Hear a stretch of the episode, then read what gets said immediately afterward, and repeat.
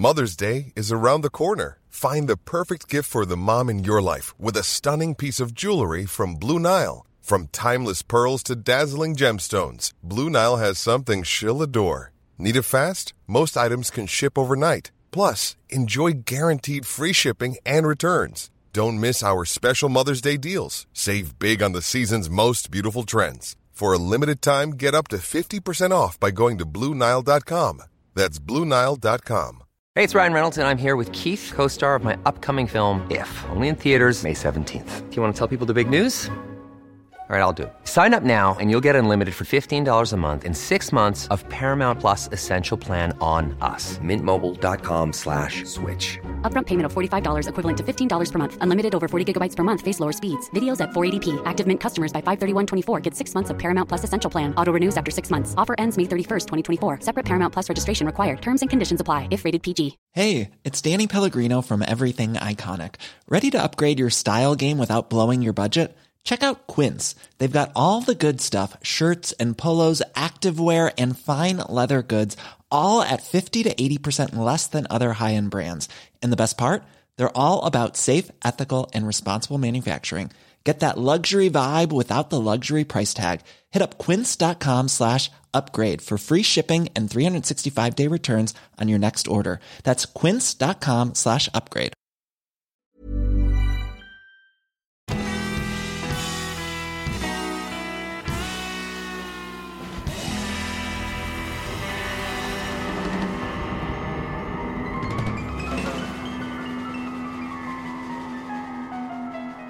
Hej allihopa och välkomna tillbaka till ett nytt avsnitt av podcasten Ståpäls. Och det är ju jag Ida tillsammans med Lukas. Ja, det är ju vi som driver denna podd. Mm, det är ju det. Välkomna, välkomna. Ja, välkomna till oss. Välkomna in i värmen. Ja, precis. Eh, ja, Ja. så är Hur det. mår du? Jo då, det är väl bra skulle jag säga. Lite seg, men eh, det är väl det är väl alla tänkte jag säga. Mm. eh, men nej, det är väl bra tycker jag. Eh, längtar till helgen av någon anledning, men det gör man väl också alltid. Ja. Eh, Men nej, men det är okej. Själv då? Mm. ja, jag sa ju det till dig innan att eh, jag är lite långsam idag. Alltså, Mm. Det känns som att eh, hjärnan hänger inte med, munnen hänger inte med. Nej. så. Men vi tror att det är lite sån här äh, hjärntrötthet efter arbetsträning och möten och sådär. Mm. Men eh, man känner sig nästan som att man är lite lullig eller så här. Ja, äh, Som att man har fått något lugnande typ. ja. lite så. När jag hade möte, jag hade glömt bort det så i söndags kväll så bara men just ja, vi ska ju ha kvällsmöte imorgon. Så att vi hade det igår. Mm. Så att eh, jag var ju på jobbet till, eh, vad var klockan? När vi, ja, kvart i sju. Tror jag på kvällen. Eh, och man blir ju alltid lite så här seg efter att man har haft ett sånt möte på kvällen. Ja, Så jag, för det är ju den tiden man brukar varva ner annars. Ja, jo men precis. Så att eh, ja, så är det. Men eh, vi ska nog ro det här i hamn. Ja men det tror jag. Mm. Eh, jag kanske behöver ställa lite extra frågor om jag inte hänger med eller, Det eller så. göra. Men eh, annars så ska det nog gå bra. Mhm. Vi har, eh, ja, om man ska ta lite hur veckan har varit så har vi ju fått njuta av högt och lågt väder så att säga. Ja, jo det kan vi ju säga att vi har fått. Det var ju väldigt fint i söndags som sagt. Ja. Då var jag ute och fiskade för första gången på flera månader. Mm. Ehm, och då stod jag i solen hela tiden. Solen i ansiktet. Det var skönt. Mm. Och så igår så var det snöblandat regn och grått och tråkigt. Ja, det var ju det. Så att ja, nej, det är lite upp och ner med vädret. Mm. Ehm, Men mamma sa det, det är aprilväder i mars. Ja, ja verkligen. det, vi får verkligen... blivit- Va? Ja, man önskar ju att det hade blivit riktig vår snart. Ja men man upplever ju verkligen det här. Det finns ju sådana uttryck i andra språk. Den här Full summer, second winter, Mm. eh, full spring. Alltså vi, vi får ju verkligen känna på det. Men att säga Ja. så här. För vi håller på att vädret håller upp och ner i år. Mamma, mamma, mamma. Men säger vi inte det varenda år? Alltså är det det så här? Är det så här vädret är? Jag tror att det kan vara så här det är. Det är bara att man hela tiden tänker att det inte är det. Man får för sig att det är på ett annat sätt. Men det är ju typ så här i den här årstiden. Ehm, men det är väl det att man har en sån här längtan efter att det ska bli varmare. Det ska bli mer sol och ljusare och hela den där biten. Men ehm, det kommer det med. Det är ju, Ja. ehm, vad heter det, eh, sommartidsgrejen nu på söndag väl, eller lördag. ja, och så är det eh, Marie bebådelsedag på lördag. Mm, just ja. Får man äta våfflor? Mm, mm, vad gott. Mm. Det är gott alltså menar jag. Det är gött. Jag var inte sarkastisk. Jag menar att det var väldigt gott.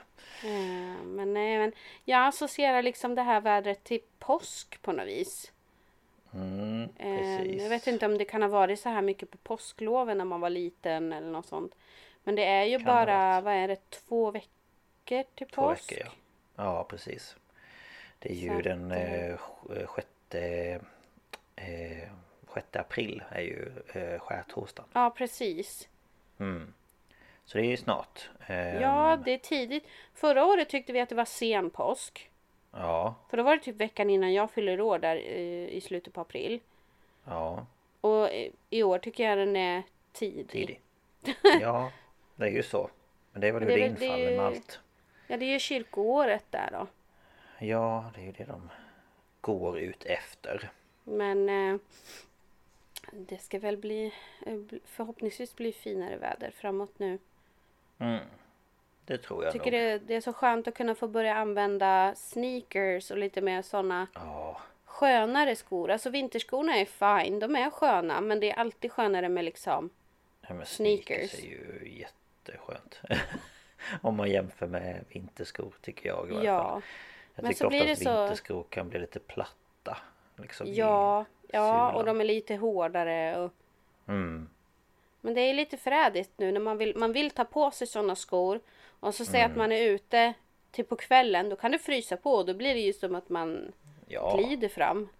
Man Då kan stå och så jättekall. blåser vinden så glider man bara liksom. ja, lite så. ja, verkligen.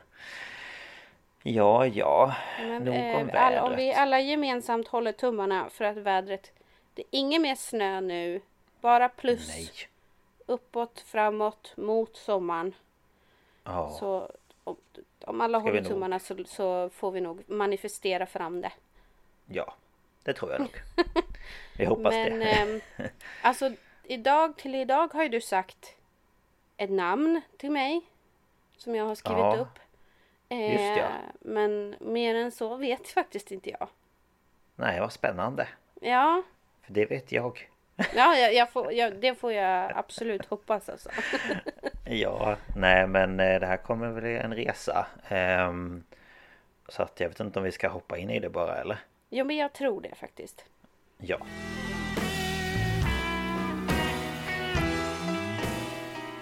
Ja men som sagt. ehm, jag ska prata om SD-politikern som styckmördade sin kollega slash vän. Aha. Ehm, och jag kan varna redan nu för att det här avsnittet har vissa partier med lite mer ehm, eh, lite grafiska saker. Eh, så är man känslig för vissa eh, ja, vissa grejer så får man spola förbi eller så får man lyssna nästa vecka eller ja. Sådär. Ehm, men jag har i varje fall varit inne på Viaplay och kollat på Svenska fall. Och då är det säsong 10 avsnitt 1. Och eh, så har jag varit inne på Youtube på en sida som heter Prime Crime. Och där har jag lyssnat på hela rättegången. Och sen har jag varit inne på Aftonbladet och lite artiklar där. Och Expressen och lite artiklar där. Och sen så har jag lyssnat på podden Förhörsrummet. Och då är det tre del, nej tre delar är det inte alls, det är fyra delar. Eh, och de heter Politikern och Styckmordet. Och sen har jag lyssnat på podcasten Aftonbladet Krim och det avsnittet heter Den misstänkte styckmördaren. Och sen hittade jag även en kopia av domen från Stockholms tingsrätt. Åh jösses. Ja, så att eh, jag har eh, lyssnat och kollat och haft mig. Mm. Ja, alltså Yes. det, det, det är bekant men jag undrar om det kommer börja klarna mer av, eh, av detaljer liksom så. Jag Kan behöver lite göra. mera kött på benen så att säga. Ja, jag förstår. Men jag tänker att vi börjar. Eh, och eh, vi börjar den eh, 16 september år 2021. Så det här fallet är också väldigt nytt. Ja, Precis som eh, då det jag körde med eh, Darrell Brooks. ja, Det var också 2021. Eh, och då den här dagen så var det ett företag som arbetar med att rensa skräp i Karlbergskanalen i centrala Stockholm. Som fick syn på några plastpåsar i vattnet. Och plastpåsarna de, här, de låg då under ett buskage längs kanten av kanalen. Och på den här båten då som plockade upp eh, skräp eh, så befann sig då en person som styrde båten och en annan person som med hjälp av en hov och en hake plockade då upp allt skräp som då fanns i vattnet. Och det här företaget, jag, jag vet inte om det är det men det finns ju ett företag som heter eh, Rena Mälaren eller vad det heter. För att den, de åker ju runt i hela Mälaren och i alla kanaler i Stockholm och sånt och plockar upp skräp. Så jag vet inte om det är dem men kan vara det. Ehm, och ehm, när de då kom fram till de här påsarna så fiskade de upp påsarna på däck och ehm, personen som gjorde det upplevde att en av påsarna var ganska tung. Och eftersom de då behövde sortera det här skräpet beroende på om det var ja, men miljöfarligt eller glas eller plast eller ja, men så vidare så var de ju då tvungna att öppna den här påsen.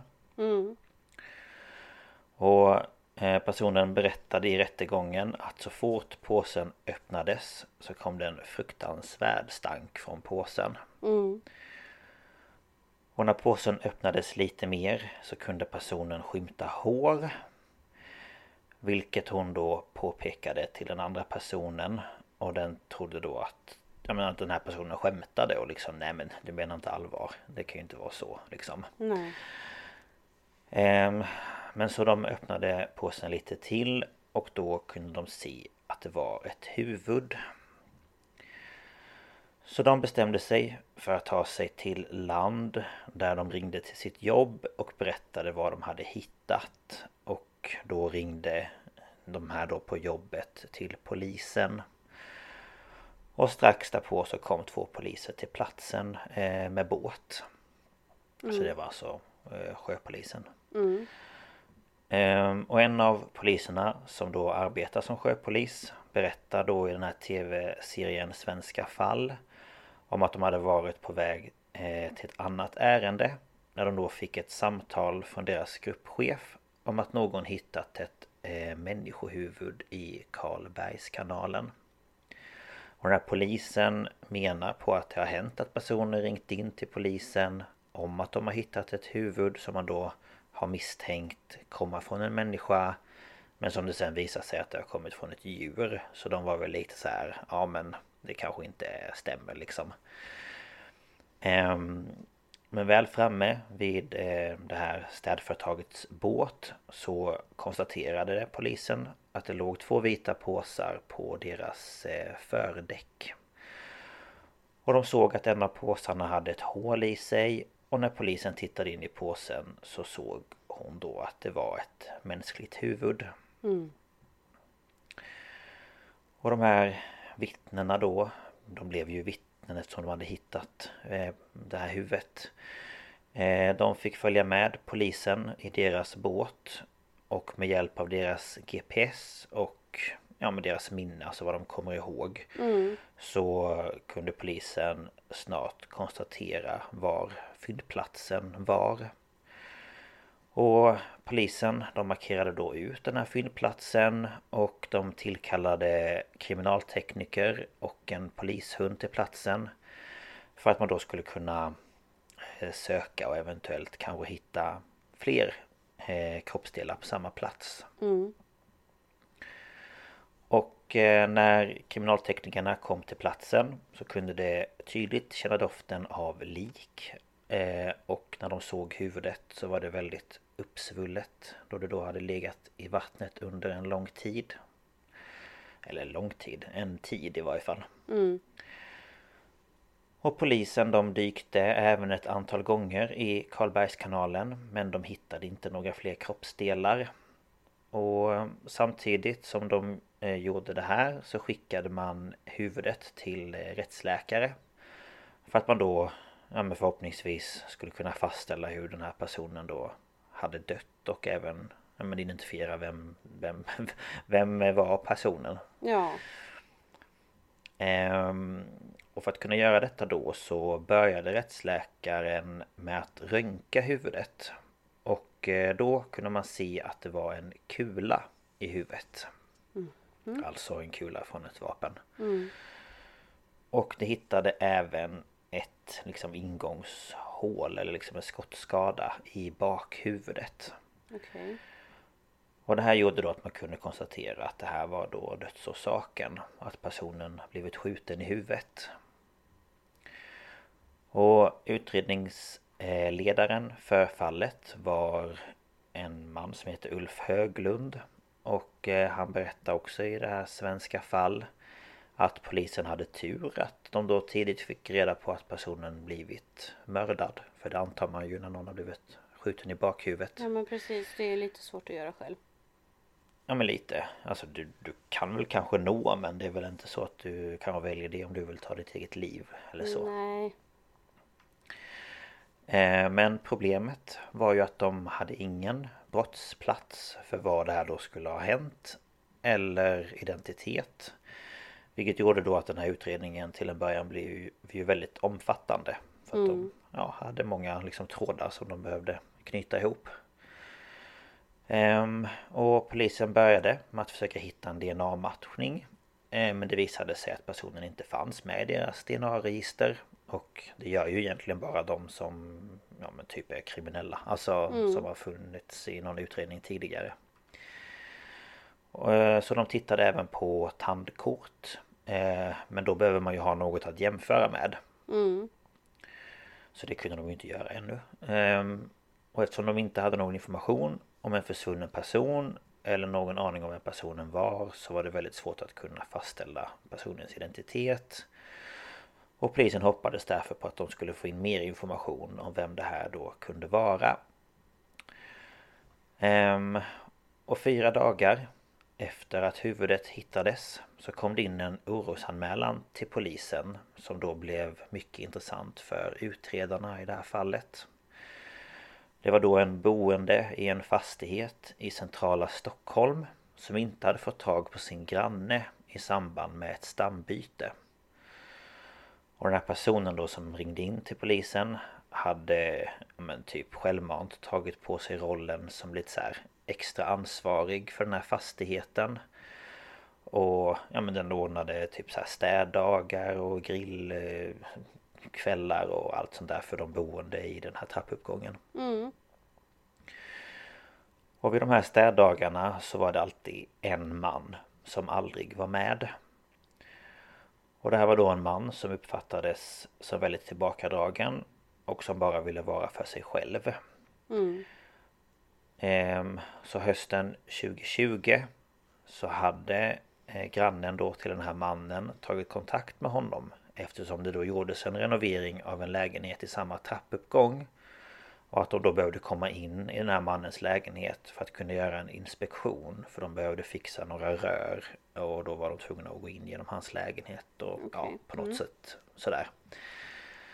Och den här mannen ska då ha sagt att det inte skulle vara några problem och att de kunde skicka ett sms eller knacka på när det var dags liksom. Mm. Och en vecka senare så kom då den här eh, grannen och knackade på två, tre gånger eh, den här dagen. Men det var ingen som öppnade. Så grannen skickade då ett sms och ett mail men fick inte svar på de här heller. Så dagen efter och dagen efter det så skickade personen ytterligare mail utan några svar. Och så här så höll den här grannen på i en vecka utan att få någon kontakt med den här mannen. Mm. Och grannen började då ana att allt inte stod rätt till och eh, tittade in i brevinkastet och såg då massor av post som låg på dörrmattan.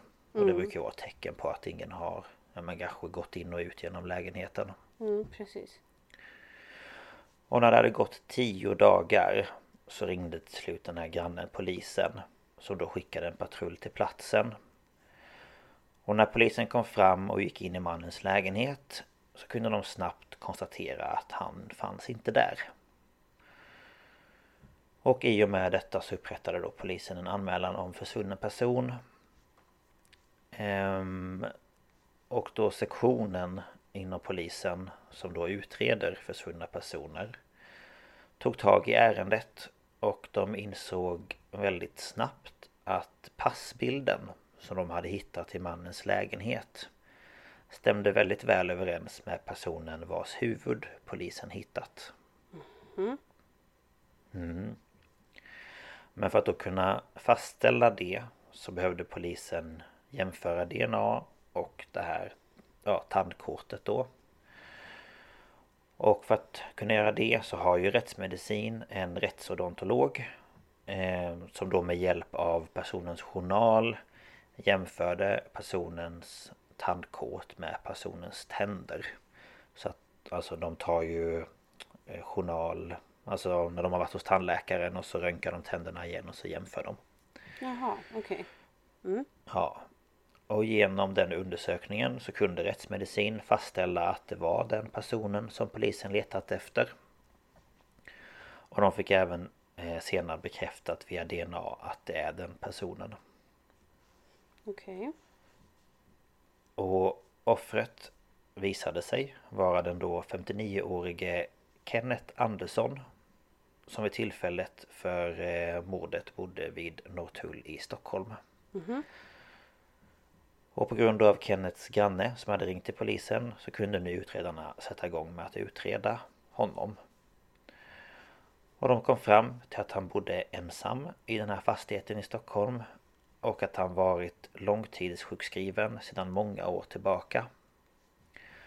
Och han hade tidigare arbetat som chef inom kriminalvården Först på Kronobergshäktet i Stockholm och senare i Uppsala. Och det var vid tiden i Uppsala som han då till sist blev sjukskriven år 2002 på grund av utmattningssyndrom. Okay. Depression. Ehm, och eftersom då Kenneth varit anställd inom kriminalvården så började polisen undersöka om det kunde finnas en hotbild mot honom. Mm. För det kan man ju tänka sig att det kanske kan finnas. Ja, um, men eftersom då han kanske har haft med lite brottslingar att göra och då... Ja men precis. Eh, men eh, ja, de höll bland annat förhör med kollegor då till Kenneth på kriminalvården i Uppsala. Och i och med det kom polisen fram till att han inte varit i konflikt med varken någon kollega eller någon intagen. Mm okay. Så de fick stryka den liksom, misstanken. Mm. Ehm, de började därför titta på hans ekonomi. För att se om det var så att han hade kanske ett spelmissbruk eller något annat missbruk av något slag. Mm. Men det kunde man se att han inte heller hade. För att de kollade ju liksom hans eh, med konton och sånt där och mm. såg vad han hade liksom lagt pengar på. Ehm, och när de inte fick fram någonting från utredningen så bestämde polisen sig för att göra en husrannsakan i Kennets lägenhet. Med att då förhopp ja, förhoppningsvis hitta något som eh, kunde ta dem vidare. Mm. Och under den här husrannsakan så använde de sig av en hund för att då kunna söka efter ja, blod eller liklukt eller sånt där som hunden kan markera på. Men det här ledde dock inte till någonting då hunden inte markerade någonstans och polisen hittade inte något som tydde på att mordet skulle ha skett där. Så polisen fortsatte därför med att knacka dörr hos grannarna för att se om de observerat något och inte heller det ledde till något. Mm. Så att eh, det går trögt. Ehm, och för att kunna ta sig vidare så började polisen hålla förhör med personer i Kennets närhet. Och eh, det visade sig att Kenneth haft ett ordnat familjeliv för flera år sedan. Men att han sedan år 2017 inte haft så bra kontakt med sin dotter. Samt att han inte haft någon kontakt med dotterns mamma på väldigt länge. Okej. Och det visade sig även att han hamnat i bråk med sina bröder och hade inte någon kontakt med dem eh, heller längre.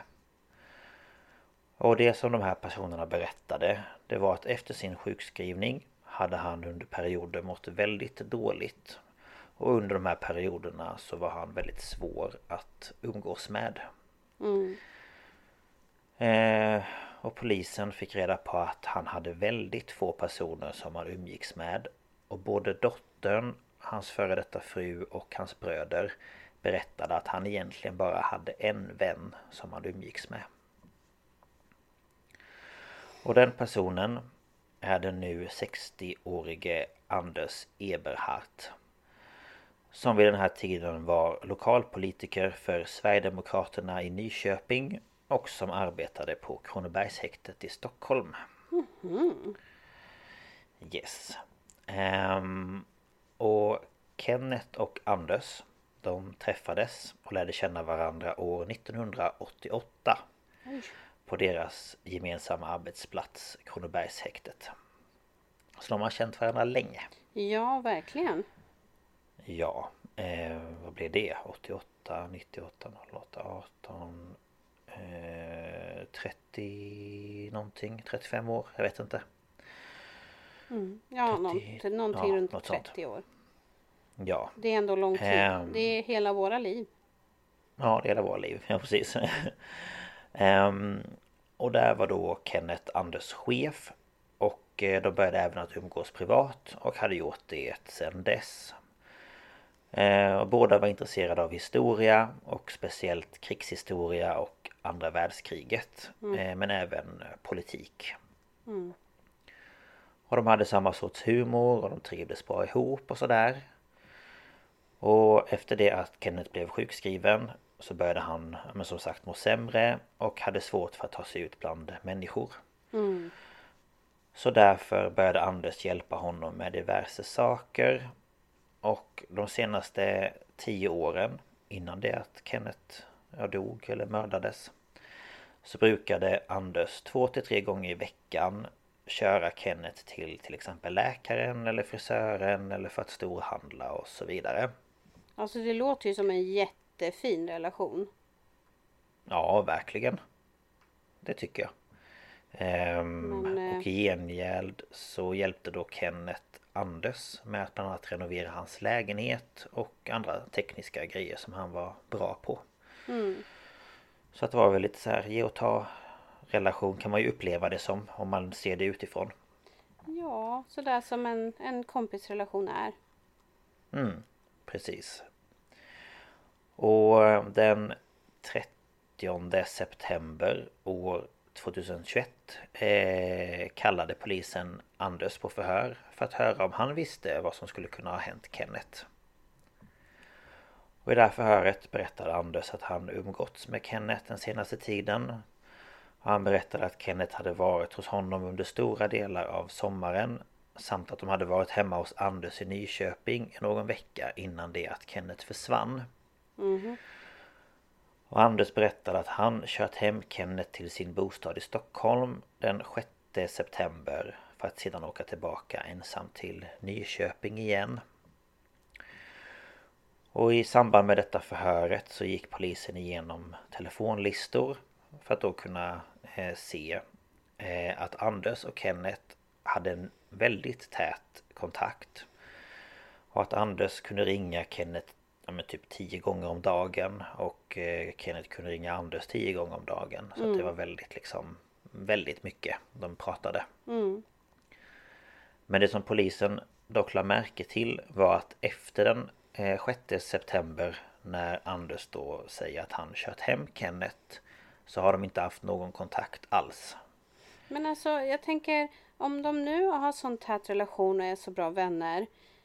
Då, Mm. då reagerar man väl om, om du och jag skulle prata liksom varje dag. Vi skriver ju varje dag. Om du plötsligt skulle gå AWOL och jag får inte tag på dig. Du Ja. svarar inte när jag smsar, du svarar inte när jag ringer. Då blir ju jag Mm. orolig. Nej men precis. Och bara, vad är det som har hänt? Ja. Och man kanske själv börjar ringa och bara så hallå. Vad?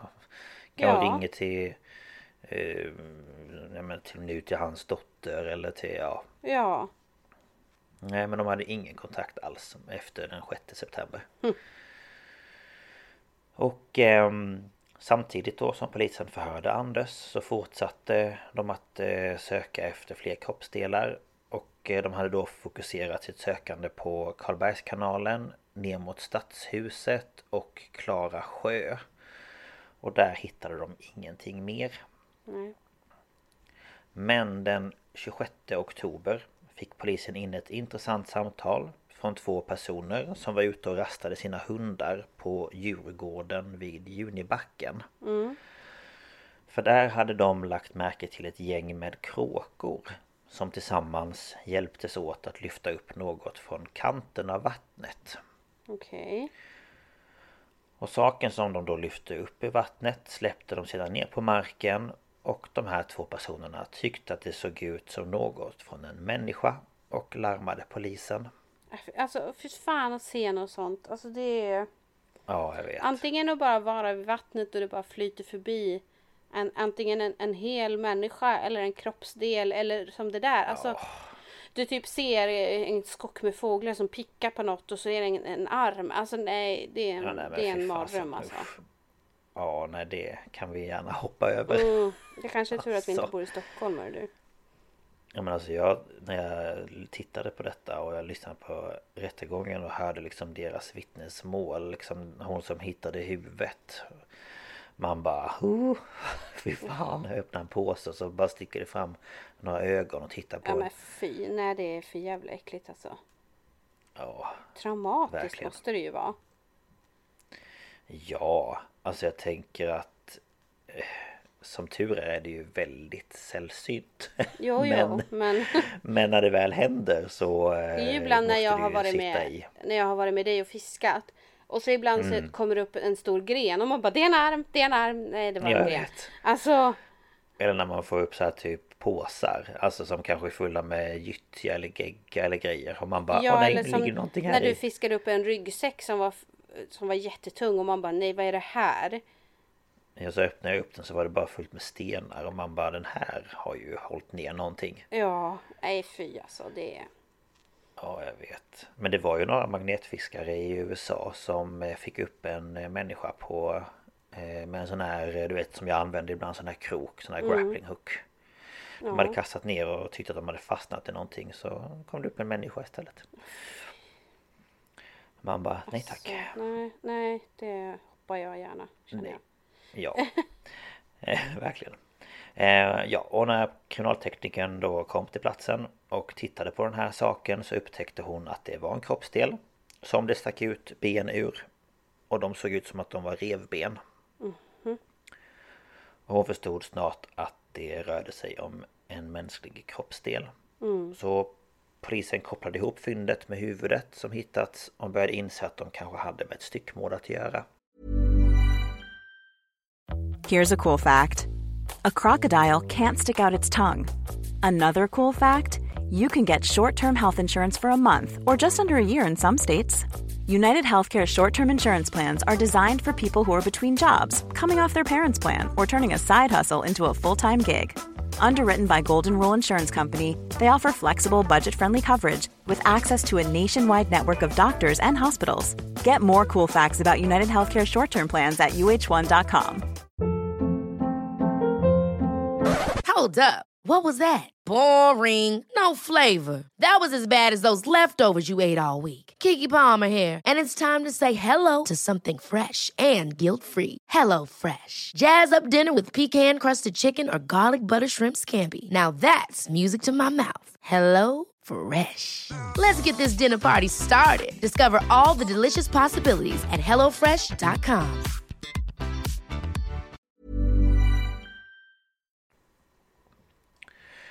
Och kroppsdelen eh, som, vis, som hittades eh, visade sig vara vänster axelparti. Okej. Så axel och skuldra typ med lite revben. Som eh, rättsmedicin då eh, kunde fastslå tillhöra Kenneth. Så att det var hans kroppsdel. Och eftersom polisen inte lyckats hitta någon annan misstänkt för mordet så fortsatte Anders vara den mest intressanta personen i utredningen. Ja, han var väl eh, den som togs- pratade med honom sist antar jag eller? Ja, både pratade och såg honom sist. Ja. Så att eh, ja, de tänkte att ja, vi håller kvar dig liksom. Ja men det, det ter sig ju naturligt tycker jag. Ja, visst gör det det. Verkligen. Och det här med telefonsamtalen som slutar och sådär, det låter Ja det ju är lite jätte, konstigt. jättekonstigt. Eh, Men han togs då in på ett nytt förhör. Och eh, det Anders inte visste om var att polisen hade spanare utanför hans adress i Nyköping. För att då se vad han sysslade med. Och en dag när Anders skulle hoppa, eh, hoppa nej han skulle åka eh, upp till Stockholm.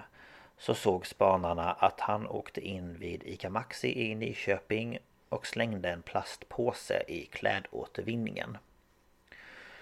Och spanarna lyckades då få tag i den här påsen och såg då att det var en vindjacka i den här påsen. Och de tänkte liksom att ja, men den här kanske är kopplad till någonting. Eh, så den skickades till NFC för att undersöka då om det fanns kanske tändsatspartiklar eller blod eller vävnad från Kenneth eller någonting på jackan. Och under det andra förhöret så ställde polisen också frågan till Anders hur han då mådde efter det att Kenneth hittats död. För man tänker ju att det är ändå hans vän sedan flera år tillbaka och... Ja men det är det jag jag, om- känner också. Har han reagerat någonting liksom? Ja, för att i den här inspelningen då från det här förhöret så kan man då höra Anders säga citat. Det är ingen fara att han är död. Folk dör. Folk har dött förut. Mina föräldrar, arbetskamrater. Men nu är det ju ett mord. Och det gör ju situationen annorlunda. Ja, bara- alltså det har han ju rätt i. Folk dör. Ja. Och, och det här är ju eh, ännu, men då tycker man att man borde reagera mer. Alltså Nej, jag... men så här, min bästa kompis har dött. Ja men alltså om vi säger att Nu tar jag dig som exempel då Om du ja. är sjuk och dör Mm. Det är ju jätte Ja. jättehemskt Är du med i en Ja. olycka och dör det är jätte jättehemskt Men för mig skulle det på något sätt vara ännu värre om någon har tagit ditt liv Ja, ja. Verkligen. Det är klart är att det är annorlunda liksom- men det blir ju värre Ja. Det är det jag menar. Så att hans det tankesätt han- funkar ju inte Eller liksom Han får det ju Nej. låta som att det inte är lika illa Ja men lite så. Eller liksom att ja men det är ett mord och det gör ju situationen annorlunda. Ja såklart. Men så här det är ingen fara att han är död. Man bara vadå ingen fara att han är död? Varför är det inte det? Du är väl hans vän? Ja, jag Alltså det är ju det som låter så konstigt. Det Man bara folk ganska- dör. Jo det gör de. Ganska creepy svar faktiskt. Ja eh, Och de här poliserna då som förhörde honom upplevde ju att han visade liksom inga känslor överhuvudtaget Att han var död Så de tänkte att det här, ja, det här är lite skumt. Det är ju någonting som inte riktigt stämmer. Mm. Eh, Och om vi då hoppar fram några dagar eller vad det blir så den 28 oktober eh, Så är det en annan privatperson som ringer in till polisen Efter att eh, den då hade hittat en sopsäck Som låg i vattenbrynet i centrala delarna av Stockholm Och den här påsen låg då cirka 25 meter från det stället som den andra kroppsdelen hittades Alltså axelpartiet Mm. och innehållet i påsen skickades till rättsmedicin som kom fram till att det var en del av bål och lårben av en människa. Mm. Och att det kom från Kenneth. Eh, och i och med det fyndet så tog polisen återigen hjälp av dykare och sökhundar men de hittar inga fler kroppsdelar. Nej. Och de fick även svar från NFC om den här jackan eh, men den hade inga spår på sig. Vilket också utredarna tyckte var konstigt för varför slänger man en jacka som inte har spår på sig? Alltså ja Lite konstigt så eh, Om inte han bara ville donera den, det vet man ju inte men Nej men precis. Ja. Det är väl egentligen Ja. inget, inget konstigt Nej. så. Men Nej, nej men precis Men det var väl lite lu- lustigt för dem eftersom de sökte efter ledtrådar mm, Och eh, Anders hade då fortsatt span på sig och den 9 november så befann sig spanare utanför hans lägenhet från tidig förmiddag. Och framåt klockan ett så såg de Anders gå ut från sin port och båt till ett garage som då är i närheten av lägenheten där han hade sin bil parkerad. Och han hämtade då sin bil och backade in mot sin port. Eh, och efter det så ser spanaren hur Anders bar ner en röd fåtölj till bilen. Och den här fåtöljen var då isärplockad. Eh, och när allt var inpackat i bilen så såg spanaren hur Anders körde iväg med bilen och åkte vidare in mot centrum. mm, Och spanarna förstår ju då ganska snart att han var på väg mot en återvinningscentral och ja, men de får lite panik och bara kontaktar utredaren och liksom vad ska vi göra? ja, för han kan ju göra sig av med någonting som har något spår på. Precis, ja. Ehm, så spanaren bestämde sig då för att stanna ungefär 40 meter typ bakom Anders. Och såg du hur han slängde alla de här delarna i en container och sedan hoppade in i bilen igen och körde därifrån. Och utredaren kontaktade då samtidigt åklagaren som begärde att fåtöljen skulle undersökas. Mm, Ehm, Så när då Anders lämnade platsen så ja, tog spanaren på sig handskar och plockade upp allting igen och la det i plastsäckar. Eh, Och sen så fördes fåtöljen till Stockholm där den då skulle undersökas. mm, Och under undersökningen av den här fåtöljen så la eh, kriminalteknikern ut alla delar på ett papper på golvet och använde sig sedan av en sökhund som då markerade på olika delar på den här fåtöljen. då markerar På den ställe- på, på eh, Markerar den på blod eller bara mänskliga? Eh, ja, alltså blod, eh, likdoft och eh, eh, tändsatspartiklar och sånt. Okej. Mm. Ja. Och på ett ställe där hunden gjorde en markering så var det en eh, så typ som en brunröd fläck. Och eh, polisen misstänkte att det var blod då från Kenneth. Och man bestämde sig då för att skicka in det här fyndet till NFC för att då se om, om det här blodet då matchade Kenneths DNA. Mm. Och samtidigt som det så valde poliserna att göra en husrannsakan i Anders bostad. Då man inte hade tillräckligt för att gripa honom. Eh, och eh, då fick han bo på hotell under tiden. För att de, ja, de var ju tvungna att vara där inne. Ja, precis. Ehm, och väl inne i bostaden så var det första som kriminalteknikerna la märke till att det luktade lik. Ehm, och det har vi ju hört från till exempel eh, Över med döda kroppar att det luktar ju väldigt speciellt. Lika, eller ja, död.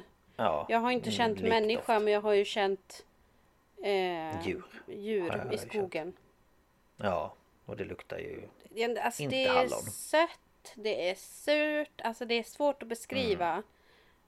Ja, det är ju det. Men eh, ja, de, det var väldigt markant doft av det i varje fall. Eller lukt. Ehm, och eh, teknikerna de började då gå igenom allt som fanns i bostaden. Och eh, det var väldigt många saker där. Så att det var ju då mycket att gå igenom. Eh, men ja, de fick ju inte missa någonting. Så det var ju bara att gå igenom allting för att se om det kanske var någon kroppsdel någonstans i lägenheten. Eller om det var något ja, men andra bevis som kanske ett vapen eller ja men någonting. Mm. Och inne i vardagsrummet så hittade man en fåtölj som liknade den som Anders hade då kastat. Så att de antog väl att, att det var samma, alltså inte samma men eh, ett set av två stolar likadana. Mm. Ehm, och lägenheten den hade en inglasad balkong Och när de kom ut på den så reagerade de på att det även där luktade lik Och de kunde även se fläckar på golvet Och de tog därför in en sökhund igen som markerade på tre ställen på balkongen och på ett ställe i vardagsrummet på själva parkettgolvet.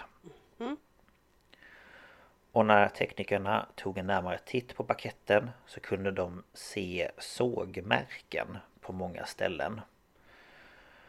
Och det här gjorde ju då att de började misstänka att Kenneth förmodligen hade blivit styckad där på golvet. I sin egen lägenhet. Nej, i, Anders i lägenhet. Anders lägenhet. Ja, just det. Ja, precis. Jag kom på samtidigt för- som jag sa det att nej, det kan inte Ja. Nej, precis. Utan Anders, han var ju där under sommaren. In, I, på- vad sa du, Nyköping? Nyköping, ja precis. Mm, Okej, nu är jag med. Yes. Ehm, och förutom detta så hittade teknikerna benfragment på en hylla och blodstänk i taket. Men bl- Åh, nej! Ja, Ja, Men alltså förstå Man- jobba där som, som tekniker och bara inse en sån här sak. vad är det som har hänt? Vilken liksom scen det måste ha varit här. Nej, det är fruktansvärt. Ja. Mm. Eh, Ja, men de topsade taket. Alltså blodet i taket. Ehm, Och eh, skickade det till NFC och de bekräftade att det var Kennets blod. Mm.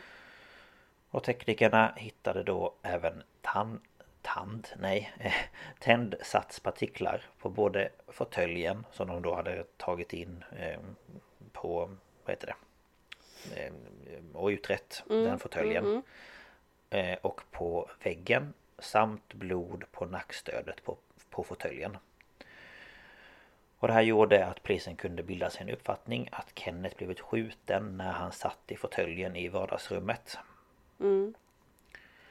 Och i och med alla bevis så beslutade polisen sig för att gripa Anders den 18 november 2021 misstänkt för mordet på Kenneth samt brott mot griftefriden. Och eftersom polisen hade mycket bevis så var de ganska säkra på att Anders skulle erkänna. Men han nekade till brott och höll fast vid sin berättelse om att han lämnade Kenneth i Stockholm den 6 september. Trots detta så fortsatte man att hålla förhör med honom för att då försöka få fram ett erkännande. Men vad menar han att skulle ha hänt då? Varför fanns allt det där hemma hos honom? Ja men det vet han inte. Nej, det har inte nej. han svarat på ännu. Nej, det, nej. Mm. nej nej han ja Det har han inte kommit på någon bra historia på Nej, för nej. än utan det är liksom Han vet ingenting. Mm. Eh, Men man fortsatte då att hålla förhör med honom för att ja, men försöka få fram ett erkännande. Och det var då även viktigt att binda honom till fyndplatserna. Ehm, Så polisen kollade på hans telefons eh, mastuppkopplingar och de tog in alla övervakningsfilmer från de ställen där eh, fynden hittats. Och det polisen fick fram var att han hade rört sig i de här områdena och att hans bil syntes på övervakningsfilmer. Och för att försöka få fram ytterligare information eh, från Anders la polisen fram all bevisning för att pressa honom att erkänna. De berättade att de kunde konstatera att det hade skjutits i hans lägenhet och att de hittat blod i lägenheten. Polisen berättade att de hittat sågmärken i paketten och att i och med det var de säkra på att Kenneth skjutits och styckats i hans lägenhet. Men trots all den här bevisningen så dröjde det till den 29 april 2022 Alltså ett halvår efteråt Innan Anders till slut bestämde sig för att berätta Hur han ansåg att det gick till när Kenneth dog Jaha.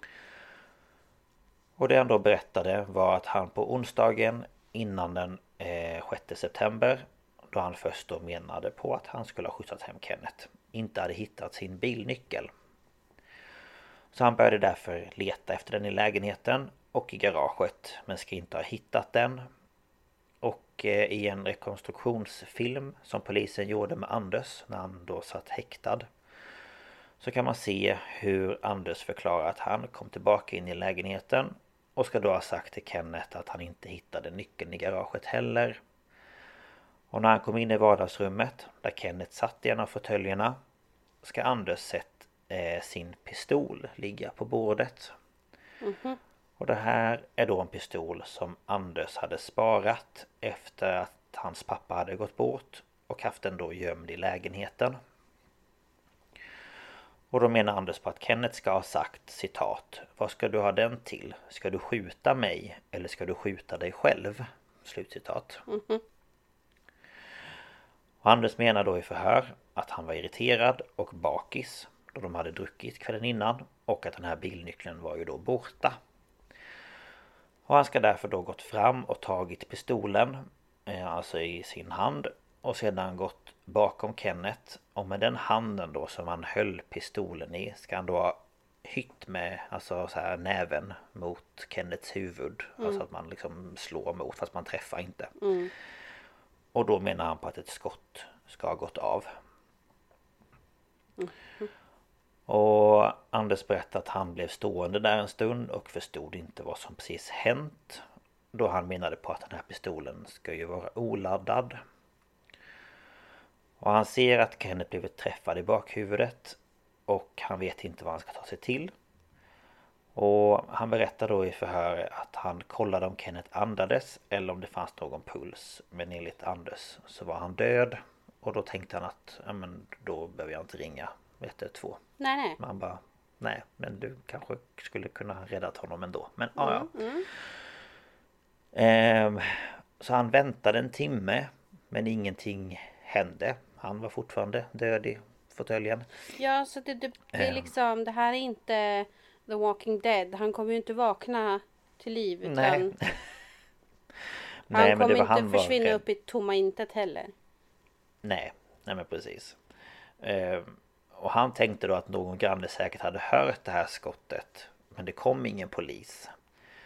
Ehm, och eftersom han fortfarande inte visste vad han skulle göra så började han dricka alkohol för att då ja, försöka lugna sig. Mm. Och han ska då sedan ha somnat i soffan i vardagsrummet. Och när han vaknade förstod han att han behövde göra något. Och jag kan ju bara tänka att vem går och lägger sig i soffan i vardagsrummet när ens bästa vän är skjuten i huvudet precis bredvid?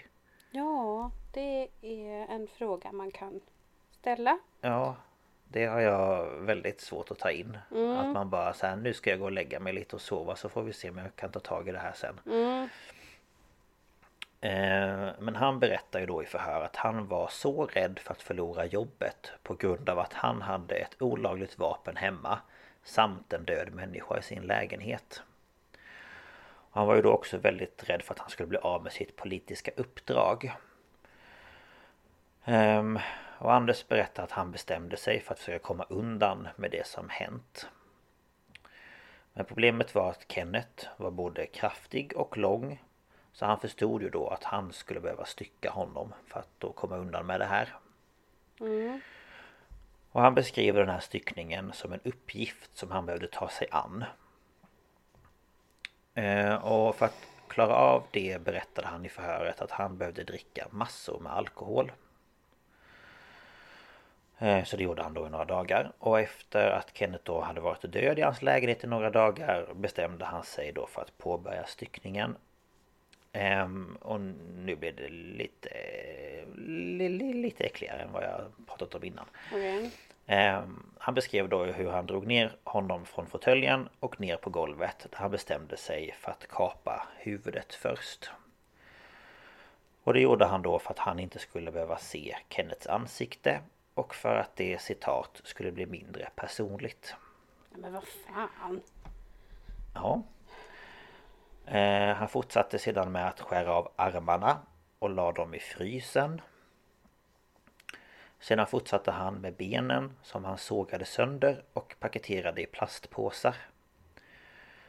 Och han bestämde sig sedan för att lägga ut kroppsdelarna på balkongen och lät dem ligga där i några dagar tills han insåg att han måste bli av med dem. Så på måndagskvällen åkte han upp till Stockholm med Kennets huvud packat i en påse han parkerade på Kungsholmen och gick sedan till Barnhusbron där han släppte påsen i vattnet. Och han berättade i förhör att resten av kroppsdelarna som polisen inte hittade kastade han i en container Och det som finns där eldas upp. Så polisen kunde inte hitta fler kroppsdelar än det de har eller hade hittat. Mm. Men han berättar även att eh, inälvor och eh, vissa organ eh, spolade han ner i toaletten. Nej men lägg av! Nej, det är sant. Typ tarmar och grejer. Ehm, och i slutet av det här förhöret då så berättar han att han hade slängt pistolen på Norr Mälarstrand precis vid stadshuset. Så polisen tog dit sina dykare och de hittade typ pistolen på en gång. Jaha. Ja, eh, så det, han hade väl bara kastat ut den någonstans där. Ehm, och eh, polisen och utredarna eh, lyckades då styrka stora delar av Anders berättelse med den bevisningen man hade. Men de hade svårt att tro att skottet gått av av en olyckshändelse. Mm. För Anders han hade berättat att han var duktig med vapen och att han då hållit fingret på avtryckaren när han tog upp pistolen från bordet. Och det gör man ju kanske inte om man är van vid att handskas med vapen så. Jag vet inte, det känns jag lite tycker inte osäkert. heller det. Ja. Eh, och dessutom så ska Anders förvarat pistolen i en påse i nattduksbordet och ammunitionen i en annan påse. Och för att pistolen ska då kunna skjutas med så ska då Kenneth enligt Anders berättelse hunnit hämta vapnet och ammunitionen, ladda magasinet, sätta i det i pistolen, göra mantelrörelse och lägga pistolen på bordet innan då Anders kom tillbaka från garaget. Mm. Och det är då också något som känns väldigt långsökt för Anders säger ju samtidigt att han har inte berättat för någon att han har haft en pistol hemma. Nej. Så Kenneth kan ju inte ha vetat om detta och han menar då på att Kenneth har rotat och hittat den när han inte har varit där. Ehm, Men polisen är därför säkra på att han sköt med mening och att det var det han ville. Mm. Ehm, Och när rättegången väl började så vittnade en forensiker eh, som då menade på att det krävs ovanligt stor kraft för att avfyra pistolen samt att det inte fanns en förhöjd risk för att vapnet skulle kunna avfyras av misstag. Mm. Så alltså även om han hytte med sin eh, näve mot Kennets huvud så skulle inte ett skott kunna gå av bara sådär. Nej. Men eh, Anders höll fast vid att han då hade orsakat Kennets död genom att skjuta honom i huvudet men att det hade skett av misstag. Och eh, han erkände också gärningarna avseende brott mot griftefrid och vapenbrott. Mm. Ehm, och något som åklagaren under rättegången la mycket fokus på var då Anders och Kennets eh, relation till varandra. Mm. Och de ska då bland annat ha spenderat midsommar tillsammans år 2021 då när det här inträffade. Och eh, i en mailkonversation dem emellan så kan man se att de hade då bråkat. Och vad det här bråket ska ha handlat om är det ingen som riktigt vet. Men Kenneth ska bland annat ha skrivit till Anders och frågat om han behövde ringa till andra och skämma ut honom inför sina partikollegor. Eh, och i rättegången så kom det även fram att under den tiden de- som de hade spenderat tillsammans hade de ofta druckit mycket alkohol och att de hade ungefär typ besökt systemet varje dag den sommaren. Mm. Så det var mycket alkohol som eh, flödade in i de där kropparna. Ja. Ehm, och åklagaren lyfte även några inköp som Anders gjorde den 22 augusti 2021 som, ja, men som de då tyckte var intressanta för utredningen. Och det var då att han hade köpt eh, byggsäckar i storlek XXL som rymmer 410 liter. 10 sådana hade han köpt. Och sen sopsäck bas XL som rymmer 240 liter. Eh, 10 stycken där också. Mm. Och de här påsarna menar man då att Anders använt att paketera Kennets kroppsdelar i. Mm. Och både tingsrätten och senare hovrätten eh, dömde Anders för grovt vapenbrott, brott mot griftefriden och mord till 16 års fängelse. Och motivet till varför Anders mördade sin vän och före detta kollega vet polisen inte än idag. Och kanske var det ett bråk som gick överstyr eller kanske tröttnade Anders på deras relation. Vem vet? Och nu kom jag på att jag har glömt att säga att vi ska ha reklam. Ja, just Så jag får, det. lägga, jag får lägga in den någonstans mitt i alltihopa. Ja. Så ja. Det, Ja, så det, det var det. löser du. Eh, ja, det löser jag. Men eh, ja, det var det jag hade att erbjuda. Ja, jösses. Alltså. Man tror Mm. att man har vänner va? Ja, man tror ju det. Men eh, som jag har lite förstått det som det att några tror att att eh, Anders blev trött på ja, men typ att ställa upp för honom hela tiden. Ja, och sen Och om, sen om höll han nu hotade med någonting. Ja, och sen så höll han ju den här relationen hemlig. Och enligt honom så är det för att Kenneth inte ville att någon skulle veta om hur han mådde. Och det kan ju låta så här, men det kanske inte man vill att alla ska veta. Nej. Men jag tänker att man kanske ändå inte håller en relation med någon som man har haft liksom en relation med i över 30 år hemlig. Man håller väl inte liksom, en vuxen människa håller väl inte sina vänner hemliga? Alltså, Nej. man behöver inte Nej, säga jag hjälper honom varje dag för han är deprimerad. Utan man kan ju bara, nej men vi är nära vänner, punkt. Alltså, Ja, vi umgås liksom.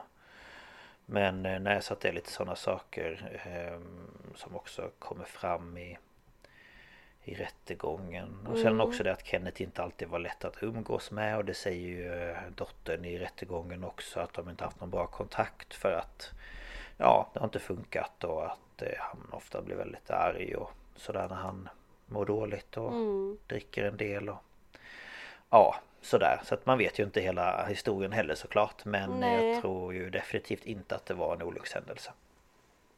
jag tycker inte att det låter som det alltså. Nej, och jag känner också att om det hade varit det så... Alltså jag vet inte men jag hade nog ringt in och bara herregud eh, Jag vet inte vad som har hänt men min, min kompis är skjuten i huvudet. Alltså... Någonting liksom för att eh, ändå visa på att man inte ska dölja någonting. Nej men precis. Men jag vet inte. Vi är väl olika. Ja, Ja, uppenbarligen är vi Ja, ja. olika vi människor. Men eh, Jo, det är vi ju.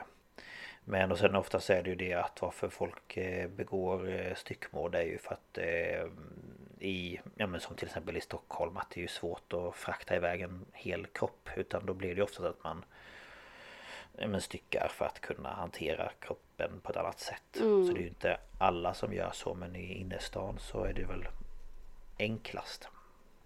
ja. Ja Jag jösses. Alltså jag, jag har så svårt att, att ta in att folk gör så här mot andra människor. Ja men det är ju så Det är ju så liksom Ja men Jag vet inte hur jag ska förklara men man liksom verkligen Förstöder du någon och sen liksom verkligen eh, Förstör du alltså kroppen och du liksom sprider Ja, ut delar Det överallt. finns ju så liksom- många, det finns så många punkter där du kan stanna upp och ångra dig. Mm, precis. Alltså Men, just ja, att du bortser ifrån det och det är liksom Okej, du säger att du råkade skjuta ihjäl någon. Mm, Men då, då är någon slags panik, eller det är inte säkert att det är panik heller. Så bestämmer Nej. du dig för att jag måste dölja det här och då gör du saken tusen gånger värre. ja. Verkligen. Ja nej jag vet inte riktigt. Det är ju Ja nej. Det är fruktansvärt i varje fall. Så att, ja, ehm, verkligen. Men eh, ja, det var det som jag hade. Ja, men det får, vi, veckan. det får vi tacka för. Det var ju lite tufft att läsa om kan jag tänka. Ja, men det är ju... Jag har som sagt lyssnat på rättegången två gånger så att Mm, jag har ju hört det tidigare. mm. så att eh, det var mer bara för att få ner allting på papper liksom. Ja, ja, det är ju det som är det, det kluriga. Mm. Nej, men jag tyckte du har gjort det här bra. Tack så mycket. Ja, tackar. Tackar, tackar. Så att eh, ja, det var allt för den här veckan. Helt Ja. enkelt. Och jag kan säga Mm. redan nu att nästa vecka kommer inte bli mindre eh, groteskt. Eh, Nej, heads up. så då kan inte ni väl lyssna på att det säga. avsnittet heller. eh, för att det... Ja, nej, det är också Ja. ganska brutalt. ja, jo precis. Eh, Ehm, Så att, eh, ja, Så nej, men ja, ni får väl avgöra själva om ni vill lyssna på det avsnittet eh, då. mm. Ja, precis. Men, eh, Men, eh, är det ja. nå- några funderingar eller så så går det jättebra att mejla oss på staphalspodcast.gmail.com Eller gå in på Instagram på staphalspodcast. Alltså ståpälst fast med A istället för Å Ä för att det finns ju inte. Mm. Eh, och där kan man ju kommentera på ett inlägg eller skriva ett meddelande där. Det går jättebra. Eh, vi Mm. uppskattar ju ja, men om ni har frågor eller ja, lite så. Ja, Eller Precis. om ni kommer på ett, ett annat fall under tiden liksom vi berättar om, om som idag. Ni kanske kommer på något annat fall som ni tycker är eh, spännande så kan ni ju skicka det till oss och så lägger vi det i Mm. våran lista på, på önskemål. mm. ja men precis. Och sen får ni gärna betygsätta podden. Mm. Det hjälper jättemycket faktiskt. Ja, men eh, ja, tack för att ni har lyssnat. Tack, tack. Ni får ha det så bra så hörs vi nästa vecka. Det gör vi. Hej då! Hej då!